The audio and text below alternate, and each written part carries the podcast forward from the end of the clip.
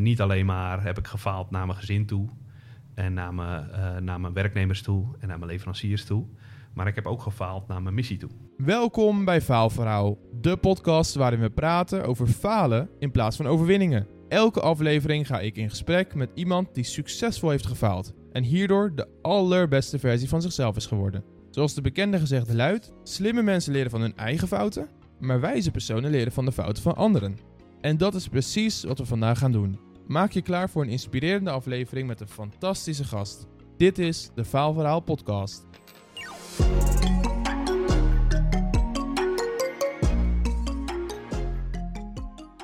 Vandaag is Peter bij mij te gast om zijn grootste faalverhaal te delen. Welkom Peter. Zou je in een paar zinnen iets over jezelf willen vertellen wat je momenteel zakelijk gezien doet? Ja, thanks. Uh, en uh, tof dat ik hier, uh, hier te gast mag zijn. Ik ben Peter dus. Ik ben eigenaar en oprichter van Gewoon Media. Een bureau dat social media content produceert. Um, en we richten ons daarmee met name op impactbedrijven. Alright, tof. En hoe kom je dan bij impactbedrijven om voor hen te werken? Um, ja, eigenlijk is dat. dan gaan we straks al een beetje richting mijn, mijn faalverhaal.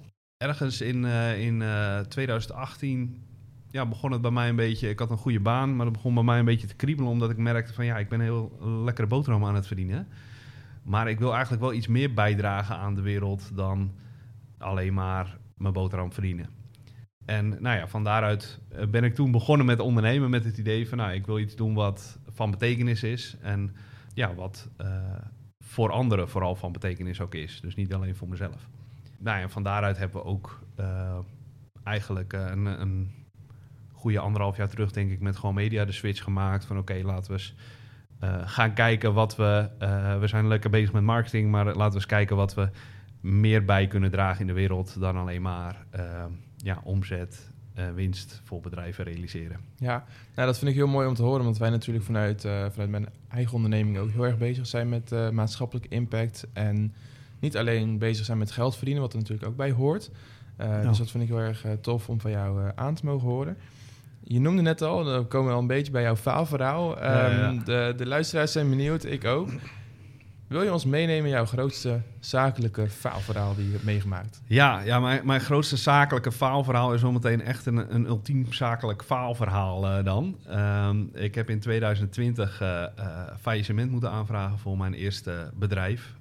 eigenlijk drie bedrijven op dat moment uh, die, die met elkaar verbonden waren. En ja, uh, iets meer dan een jaar eigenlijk nadat ik gestart was, um, kon ik de boel uh, overdragen aan een curator. Nou ja, en dat is, dat is eigenlijk de, de, het falen van zowel het bedrijf en voor mezelf, het gevoel van falen als ondernemer, maar ook het falen van de missie die ik had op dat moment met dat bedrijf. Oké, okay, um, ehm, we hebben het natuurlijk nu over het gevolg. Ja vrij pijnlijk lijkt me. Faillissement is natuurlijk niet makkelijk. Alhoewel het natuurlijk wel zo is dat uh, je er natuurlijk heel veel van leert. Dus ik ben straks ook heel erg benieuwd wat je daar allemaal van hebt uh, meegekregen. Maar laten we eerst eens uh, teruggaan naar wat dat heeft veroorzaakt. Wat ja. ben je gaan doen?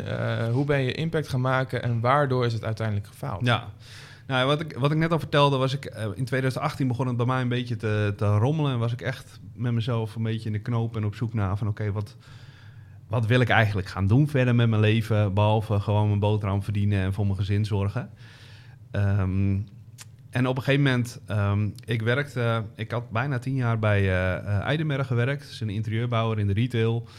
Um, nou, dat bedrijf heb ik eigenlijk samen met de zoon van de eigenaar toen van nou, randje faillissement naar uh, groei gebracht. En nou, toen ik daar wegging, liepen weer 60 man rond. En waren we bezig met een buitenlandse vestiging en een nieuwbouwpand. En ja, inmiddels, um, als je ook gaat kijken, ja, bijvoorbeeld als je de Bijenkorf inloopt, denk ik dat uh, de, de mooie merken die je daar voorbij ziet komen, voor een groot deel daarvan is Eidenberg tegenwoordig een van de, uh, van de partijen die voor interieur zorgt, voor uh, etalages enzovoort. Van daaruit was ik dus een beetje op zoek en op een gegeven moment um, ja, kwam ik een, een kans tegen, zeg maar, in het werk wat ik aan het doen was. Uh, een van de dingen die we, wat er namelijk veel voorbij kwam uh, bij Eidenberg was uh, grootformaat printwerk. Nou, dan moet je denken aan printen op grote doeken, op platen, op stickerfolies, dat soort dingen. eh, displays. En wat ik merkte is dat er bij de klanten die we hadden vandaan kwam heel vaak de vraag: oké, maar hoe duurzaam is dit? En kunnen we dat duurzamer doen? Kunnen we dat beter doen? En aan de leverancierskant, want we kochten het grootste deel daarvan in, werd dat eigenlijk altijd een beetje afgehouden en werd er altijd gezegd: joh, het is te duur, het kan niet, uh, of het, uh, het bestaat niet, zeg maar. Dus ik dacht, nou ja, weet je, daar zie ik een opening waarbij ik en van betekenis kan zijn, want ik kan die markt gaan helpen om, om te verduurzamen.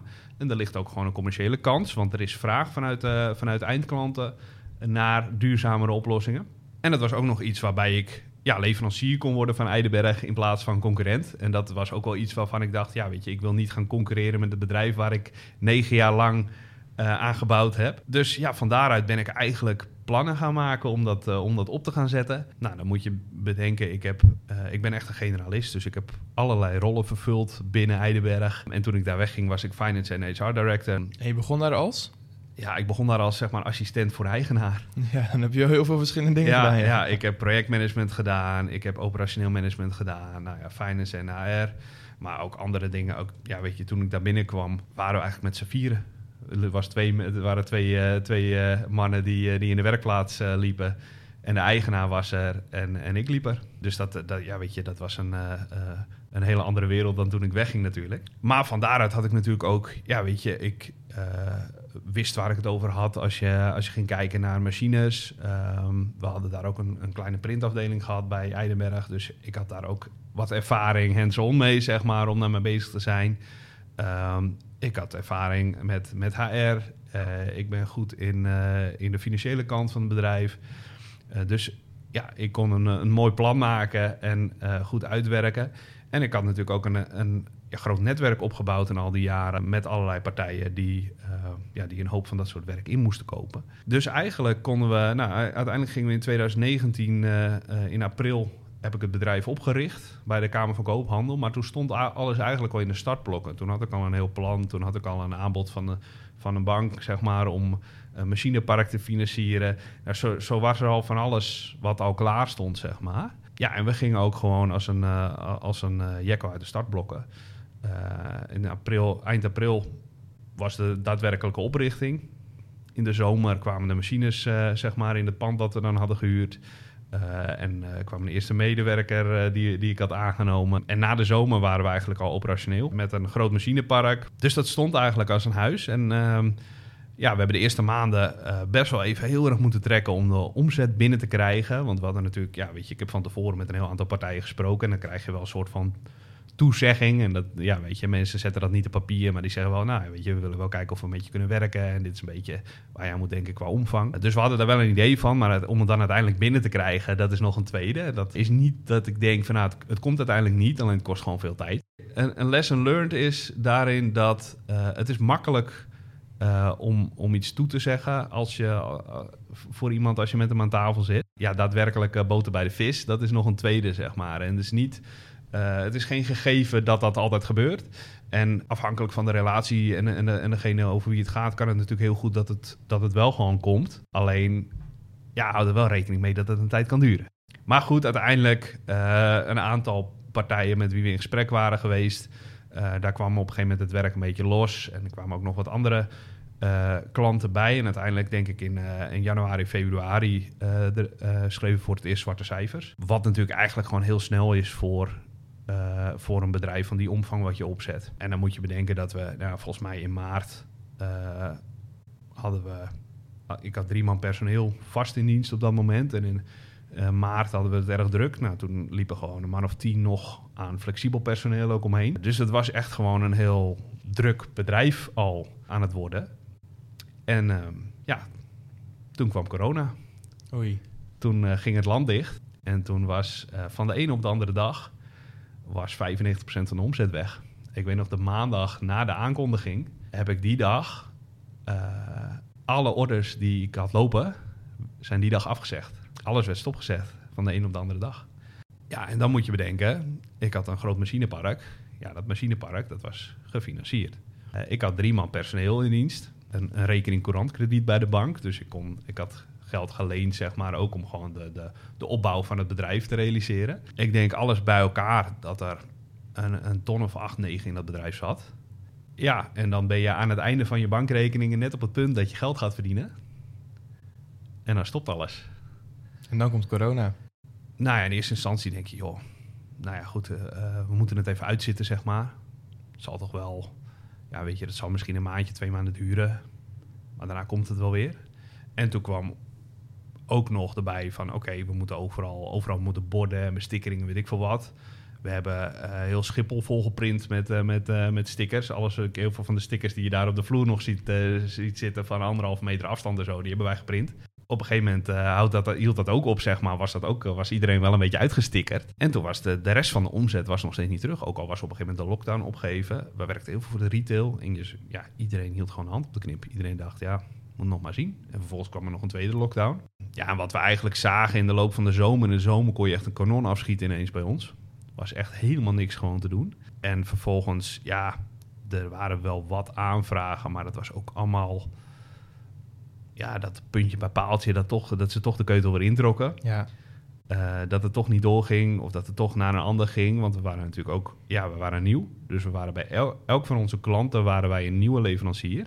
Betekent dat ze ook oudere leveranciers hadden, met wie ze al een lange relatie hadden. Ja, en dan is het logisch dat je een stukje loyaliteit hebt naar de mensen met wie je al heel lang samenwerkt. Dus dat als je dan wat te doen hebt, dat het bij, bij hen terechtkomt. Ja, en hoe zorg je dan in zo'n moeilijke tijd, waarbij je dus ook medewerkers hebt, waar je een enorme verantwoordelijkheid naartoe hebt, dat je zelf uh, positief blijft en ook nog je medewerkers blijft motiveren?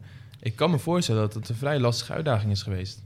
Nou ja, het, het gekke in zo'n situatie is waar je um, eigenlijk elke dag mee bezig bent, is kijken van oké, okay, hoe, um, hoe staat het ervoor? Zie ik, een, zie ik een weg om hier nog uit te komen, zeg maar?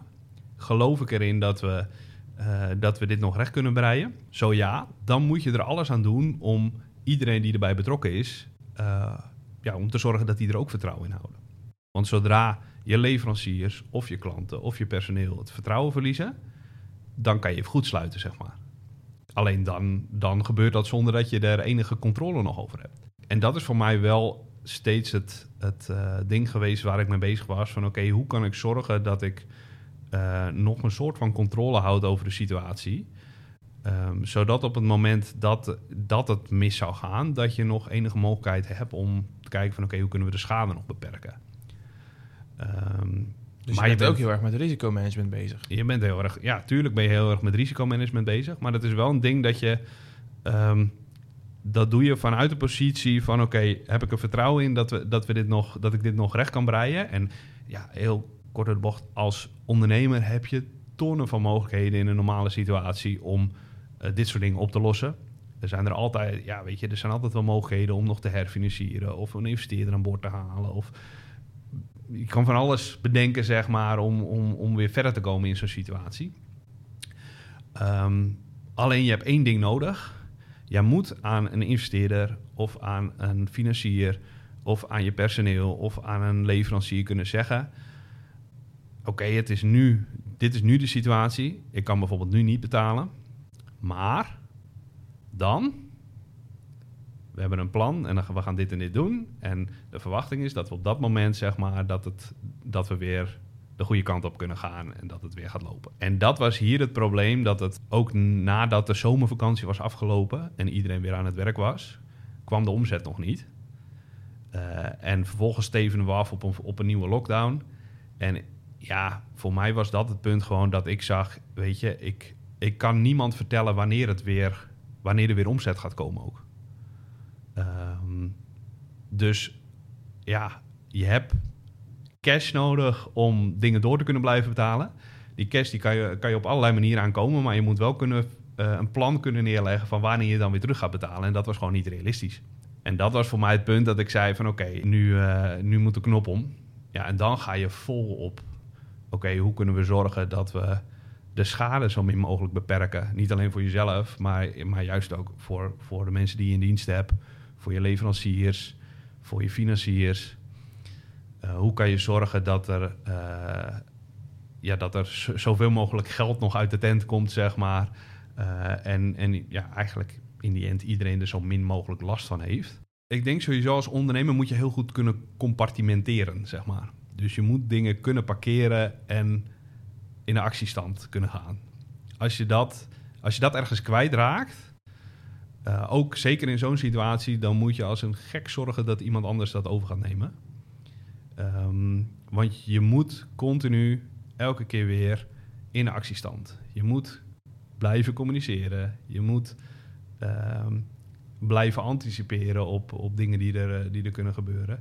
Juist ook uh, voor jezelf in zo'n situatie. Een van de dingen die meespeelt bijvoorbeeld op het moment dat je uh, te maken krijgt met een faillissement. Nou, zeker bij een startend bedrijf. Als jij iets wil financieren, zou je misschien zelf, als je, iets, als je met financiering bezig bent geweest, ook wel mee te maken hebben gehad. Als je iets wil financieren als startend bedrijf, mag je gewoon meetekenen. Dat dat ja, is eigenlijk praktisch overal zo. En dat betekent uh, soms dat je meetekent gewoon voor de schuld, hoofdelijk. Zelfs als je een BV hebt, mag je privé meetekenen. maar in heel veel gevallen zeggen ze dan, nou, we willen een borgstelling voor een bepaald bedrag. Dus zeg dat jij een ton leent, dan zeggen ze, nou, dan willen we een borgstelling voor 50.000 euro bijvoorbeeld. Uh, wat betekent dat ze, dat ze op het moment dat die 100.000 euro niet terug wordt betaald, of niet helemaal wordt terugbetaald, dat ze jou voor maximaal 50.000 euro privé aansprakelijk kunnen stellen. Dat wordt gedaan een beetje met het idee van, nou, weet je, we schatten in dat iemand wel gewoon salaris kan verdienen als hij ook als het misgaat en dat. Uh, dus nou, we kunnen de, ik denk dat hij dit wel zou kunnen terugbetalen. Maar op het moment dat jij een bedrijf start en je bent, nou, zoals wij dan met de machinepark en een rekeningcourant faciliteit en uh, nog een, uh, we hadden nog een auto en nog wat andere bedrijfsmiddelen. En, nou ja, zo maak je eigenlijk een pakket van allerlei financieringen op een gegeven moment. Um, en ja, die hebben natuurlijk niet helemaal van elkaar in, in, beeld wat daar gebeurt qua borgstellingen en dat soort dingen. En daarbij worden er bepaalde aannames gedaan. Kijk, op het moment dat jij een machine financiert en die machine die kost 2 ton, dan denkt de bank, nou, als we die moeten verkopen, dan levert dat nog wel een ton op. Maar ja, als je die vervolgens gaat proberen te verkopen op het moment dat het hele land plat ligt, dan werkt dat niet zo. Nou goed, en dat soort dingen speelden speelde daarin mee. Dat, je, ja, dat, dat ik bijvoorbeeld heel erg bezig ben geweest in die, in die uh, periode ook met oké, hoe zorgen we dat de, de machines bij de juiste mensen terechtkomen, maar ook dat daar actie op wordt ondernomen om daar nog zoveel mogelijk uit te halen. Want voor het restant van die financiering komen ze vervolgens bij mij aan de deur. Hoe zorgen we dat uh, het personeel zo min mogelijk last ervan heeft, dus zo snel mogelijk bij het UWV geld krijgt? Wat moeten we daarvoor regelen? Dat zijn dingen die allemaal vrij onderzichtig zijn. En heel eerlijk, ja, een curator die zit er alleen maar voor zijn eigen geld. Ja, om het even samen te vatten, wat ik um, in jouw verhaal terughoor, is dat ja, je, je bedrijf gaat failliet, helaas. Um, maar dan doe je er wel alles aan, ja, er alles aan om um, ja, voor je medewerkers te zorgen, zodat zij weer goed terechtkomen, zodat je eigenlijk zo min mogelijk verlies leidt. Ik kan me voorstellen dat, dat dat een periode is geweest waar je enorm veel lessen uit hebt gehaald. Heb je een paar lessen die je met ons zou willen delen? Nou ja, ik, wat ik merkte, zeg maar, is dat ik met name dat de lessen eigenlijk pas later kwamen. Oké. Okay. Uh, in eerste instantie, kijk, het was natuurlijk een gekke situatie. Het was een situatie waar niemand eigenlijk rekening mee had gehouden. Um, en dat maakte ook dat ik voor mezelf zoiets had van, ja, weet je, als het niet, als je die gekke coronasituatie niet had gehad met die lockdowns, dan had ik er nog wel uitgekomen. Ik heb denk ik bij elkaar twaalf verschillende investeerders aan tafel gehad, die allemaal heel geïnteresseerd waren om om het over te nemen of om in te stappen. Maar uiteindelijk toch zeiden, ja, weet je, we zijn zelf ook aan het ondernemen. Het is gewoon te spannend op het moment. Maar goed, weet je, dat de, uiteindelijk, als, je, als ik daarop terugkijk, denk ik, uh, dacht ik op dat moment, ja, heel eerlijk, wat had ik hier nou aan kunnen doen? Hoe had dit had ik niet van tevoren kunnen weten. Um, ik heb, ja, eigenlijk heel veel goed gedaan voor mijn eigen idee. Want we hebben gewoon een kick bedrijf neergezet. Dat binnen een half jaar nadat we operationeel waren, zwarte cijfers draaiden. En ook nog op een niveau waarvan je dacht: oh, dat is ook wel gewoon. Het is allemaal niet niks, zeg maar. Maar ik zat op dat moment nog wel met. Uh, ja, weet je, het is leuk als, je, als, als het bedrijf failliet is op een gegeven moment. Tenminste, dat is helemaal niet leuk. Maar het bedrijf is op een gegeven moment failliet. En dan komt er een curator en die neemt het over. Die gaat het allemaal regelen. En dan ben jij er vanaf. Uh, je, je wordt ook uh, ontslagen, zeg maar, als, als directeur-eigenaar uh, door de curator. Dus in die zin is het ehm, ja, op een bepaalde manier is het jouw verantwoordelijkheid vervolgens niet meer. Ehm, maar ondertussen heb je nog wel het hele uh, privéverhaal financieel, zeg maar, wat je hebt af te handelen. Ja, en het ding gewoon in je hoofd. Van oké, ik was iets aan het doen. Ik was aan het ondernemen. En ik heb wel gefaald. Uh, en niet alleen maar heb ik gefaald naar mijn gezin toe. En naar mijn, uh, naar mijn werknemers toe. En naar mijn leveranciers toe. Maar ik heb ook gefaald naar mijn missie toe. Nou, wat ik te doen had als bedrijf. Uh, het idee wat ik had van oké, ik wil de wereld een stukje beter maken. Ja, dat is misgelopen. Um, dus, en dat had ik, had ik in die periode niet zo door, want ik ben dan iemand, weet je, ja, ik ga de actiestand, ik ga gewoon de dingen doen die ik moet doen. Ik ga zorgen dat ik, uh, dat ik goed blijf communiceren met alle partijen die er betrokken zijn. Dat ik uh, de juiste mensen erbij trek om, om het op een goede manier af te handelen. Uh, maar eigenlijk toen het hele verhaal ook privé was afgerond, en dat was meer dan een jaar later, toen het faillissement ook was afgesloten, zeg maar. Toen pas konden we het verhaal echt helemaal afronden. Toen merkte ik ineens, oh wacht even, ik heb ineens heel veel ruimte in mijn hoofd. Dat is dus altijd, al die tijd heeft dat dicht gezeten, met dat ik me bezig aan het houden nog was met, met het afronden hiervan. Met het met zorgen dat alles uiteindelijk zeg maar rechtgebreid wordt. En um, eigenlijk in de maanden daarna kwamen pas bij mij de, de, de lessen. Ging ik pas zien, maar oh wacht even. Dit, dit zijn dingen die ik aan het doen was, uh, waarvan ik nu zou zeggen, goh, dat zou ik toch anders doen. En heb je een paar voorbeelden? Ja, nee, absoluut. Daar heb ik zeker een paar voorbeelden in. Um, ik denk het eerste voorbeeld wat ik, wat ik zou noemen is... Kijk, ondanks dat, dat we het als startend bedrijf best wel... Nou, ik denk best wel goed hebben gedaan... Was, zat ik wel in een situatie waarbij ik een uh, gigantisch bedrag aan financieringen had... En uh, een, een, bankrekening die langzaam aan het leeglopen was... tot het moment dat we echt geld gingen verdienen... Uh, en wat ik heb gemerkt is dat uh, ja, weet je, op een gegeven moment gingen we geld verdienen en toen stopte dat. En toen ging je nog meer leeglopen natuurlijk. Maar naarmate die bankrekening leger wordt, uh, ga je steeds minder goede beslissingen nemen voor de lange termijn. En steeds meer bezig met de korte termijn. En dan ga je steeds makkelijker concessies doen op de missie waarvoor je eigenlijk bent begonnen. Uh, en het kost ook steeds meer hoofdruimte. Financiële zorgen, zeg maar, die kosten gewoon steeds meer hoofdruimte waardoor je ook steeds minder goed in staat bent om op een creatieve manier te ondernemen. Um, en dat is iets waarvan ik, als ik daar nu op terugkijk, denk ik, ja, dat zou ik nu anders doen. Ik zou toch naar een manier zoeken om kleiner te beginnen. Ik had het idee dat dat met dit bedrijf niet kon. Uh, en dat was ook wel een logisch idee, maar dat heeft een beetje met de volgende les te maken. Um, maar uh, ja, ondanks dat zou ik toch naar een andere manier zoeken om dat te doen met uh, minder risico en met meer zekerheid over je, uh, uh, ja, over je product market fit en meer gericht op zorgen dat je de stappen neemt op het moment dat, er, dat, dat je de financiële ruimte al hebt gecreëerd. dus dat is les 1. En les 2 die daar, ja, weet je, die, die ik net al een soort van, van plug.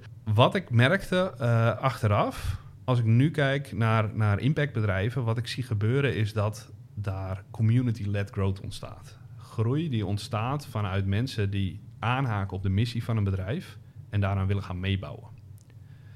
Um, en ja, dat heeft een aantal implicaties voor hoe je je bedrijf vormgeeft. Als ik nu terugkijk naar Printing Heroes, zo heette mijn bedrijf, dan was ik eigenlijk een bedrijf aan het bouwen op de manier zoals ik dat kende van MKB-bedrijven. Het was eigenlijk een conventioneel bedrijf, maar dan met een missie. Ja. Om, om, iets te, om iets beter te maken in de wereld.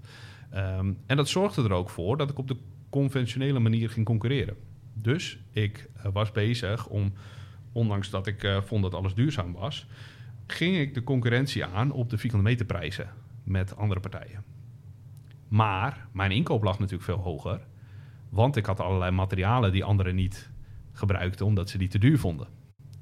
Maar ik wilde die goedkope troep niet gebruiken, want ik dacht dat is, dat is niet wat ik, wat ik wil brengen in de markt. Dus aan de ene kant was ik uh, bezig met een beetje de, de, ja, de verbeteraar spelen en, en eh, nieuwe dingen uitproberen. Ja, en daar zat ook gewoon heel veel testen in. Er zaten ook dingen in die fout gingen. Er, zat, er zaten dure materialen in. Er zat heel veel onderzoek in van oké, maar waar kan ik die spullen nou vinden? Waar komt het vandaan en wat is het dan eigenlijk? En is dat dan wel beter? En nou, er zat heel veel kennisontwikkeling in. Maar aan de andere kant uh, ging het uh, soms om de centen per vierkante meter, zeg maar. Uh, en was ik dus daar met, ja, eigenlijk met één hand op mijn rug dat gevecht aan het aangaan. Terwijl als ik nu terugkijk en ik kijk naar de leveranciers die we hadden en de klanten die we hadden, hadden wij best wel wat leveranciers en klanten en überhaupt de, de, de gasten die bij ons uh, kwamen werken, die aangingen echt op die missie. Die kwamen omdat wij wilden verduurzamen. Uiteindelijk denk ik, ja, weet je, die, die kwamen niet zozeer voor de vierkante meters, die kwamen voor de kennis. En die kwamen voor de wil om te innoveren. Dus daar, had, daar had, was mogelijkheid geweest voor een heel ander verdienmodel dan, dan het traditionele vierkante meter verdienmodel, zeg maar. Uh, en als ik nu terugkijk, denk ik, ja, weet je, daar, uh, ik, ik, ik was vierkante meters aan het verkopen, maar ik had een missie te verkopen, eigenlijk. En dat is wel iets wat ik nu wel anders zou doen. Ja. En is jouw tip dan ook, want je bent natuurlijk een expert geworden op het gebied van uh, community-led growth. Uh, misschien ook wel leuk om daar nog even op uh, aan te haken. Ja. Is, dan jou ook, is jouw advies dan ook naar de ondernemer van, van focus echt op, op het bouwen van een community en een sterke missie, waarbij dus andere klanten eraan willen meewerken? Of? Wat heel erg in de kern hiervan ligt, is: um, heb jij een bedrijf om je missie te volbrengen, zeg maar, omdat je een missie hebt en iets wil verbeteren in de wereld? Of heb je een missie om je bedrijf verder te brengen? Hmm. Kijk, als het dat eerste is, ja, dan heb je een, een, een oprechte motivatie. En dat gaan ook anderen zien als je daarover communiceert en als je ruimte geeft voor anderen om daarin deel te gaan nemen, deelnemer te worden aan jouw missie, uh, dan, dan ga je zien dat dat ook gaat gebeuren. En dat die mensen naar manieren gaan zoeken om mee te bouwen aan jouw missie. Uh, ja, en jouw rol wordt dan om dat te faciliteren. En ja, de groei die ontstaat van daaruit. Op het moment dat het andersom is, dat je zegt, nou weet je, ik heb een mooie missie bedacht, want dat is goed voor mijn bedrijf. Ja, dan denk ik, joh, vol, ja, volgens mij moet je, is het goed om eerlijk te zijn naar jezelf, maar ook naar anderen. Uh, en weet je, dat is, het is niet iets. Uh, uh, uiteindelijk, ik zei dat laatst ook tegen iemand anders. Ja, weet je, ik, eigenlijk wat er, wat er bij zo'n bedrijf op de plek van een missie zou moeten staan op een website, is gewoon een bankrekening. Want dat is eigenlijk waar het over gaat. Als je heel eerlijk bent, is dat vaak het verhaal. En ja, weet je, het is natuurlijk niet altijd zo zwart-wit. Maar in die end zit er wel een ding in. Waarvoor ben jij begonnen, zeg maar? Hoe is dit ontstaan? En van daaruit ja, is het wel realistisch om eens na te denken van... ben ik wel eerlijk als ik zeg van ik heb een missie om iets te verbeteren? Is dat wel waar het echt om gaat? Ja, dat vind ik een hele mooie om hem uh, langzaam af te sluiten. Maar voordat we dat gaan doen, wil ik het nog even hebben over hoe je het, hebt, uh, hoe je het verder hebt opgepakt. Je bent uh, failliet gegaan, um, maar daarna ben je wel een ondernemer die zegt van... hé, hey, ik ga door, ik ga um, ja, verder, want ja, je moet ja. wel verder. Hoe pak je dat op en wat ben je vervolgens gaan doen? Nou, kijk, het eerste waar je mee bezig bent is, uh, tenminste voor mij dan, weet je, ik heb een jong gezin. Er moet gewoon brood op tafel komen. Dus ik moet werk hebben. Dus ik was eigenlijk al, uh, toen ik bezig was met de faillissementsaanvraag, was ik ook al bezig met, oké, hoe ga ik straks mijn boterham verdienen? En dat was op dat moment gewoon een heel lastig punt. Ondernemers hadden geen zin om op dat moment uh, extra uitgaven, ja, zich toe te gaan leggen op extra uitgaven, zeg maar dus ja, waar ik op uitkwam was, ik had wat vragen uit mijn netwerk liggen van, uh, van andere bedrijven en ondernemers. Die zeiden, joh, we hebben nog uh, deze klus liggen die uitgevoerd moet worden. Kan jij dat regelen? Dus samen met een andere ondernemer hebben we toen een, nieuwe BV opgericht en zijn we dat gaan doen. En van daaruit, ja, op een gegeven moment als, jij, als je als bedrijf je websites bouwt, dan krijg je ook de vraag, hey, we hebben eigenlijk helemaal geen bezoekers op de website, kunnen we daar wat aan doen? Dus zo zijn we echt online marketing gaan doen. Ik zag bij heel veel bedrijven binnen dat zodra je iets van content nodig hebt, dat uh, iedereen in de stress raakt. Dus ik dacht, hé, hey, wacht even, daar kunnen we wel wat mee. Uh, en dat is ook nog eens iets uh, wat, ik, wat ik veel leuker vind eigenlijk dan wat we aan het doen waren. Dus zo hebben we die, die stap gemaakt. Ja, je bent eigenlijk gewoon verder gegaan met gewoon media. Ja. Op die manier heb je het verder opgepakt. Ja, zo zijn we eigenlijk, zo hebben we dat verder opgepakt. En ja, voor mij was het een, een, een het was niet echt een keuze of zo. Het was gewoon iets wat ja, weet je, je, je, je, hebt je, je moet je boterham verdienen en, en hier lag wat om te doen. Uh, dus zo zijn we gestart.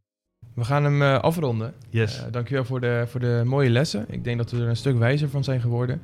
Um, je faalverhaal is heel erg interessant voor de luisteraars. Um, heb jij als luisteraar genoten van deze aflevering? Vergeet zeker niet om deze podcast te delen met je omgeving, ons te volgen op social media en je gratis te abonneren via jouw favoriete streamingdienst. Wil je meer van de deelnemer horen? In de beschrijving staat een link naar zijn LinkedIn-profiel en daar kun je dus meer van gewoon media uh, uh, te weten komen. Elke donderdag staat er weer een nieuwe aflevering online. Heel erg bedankt voor het luisteren en graag tot de volgende keer.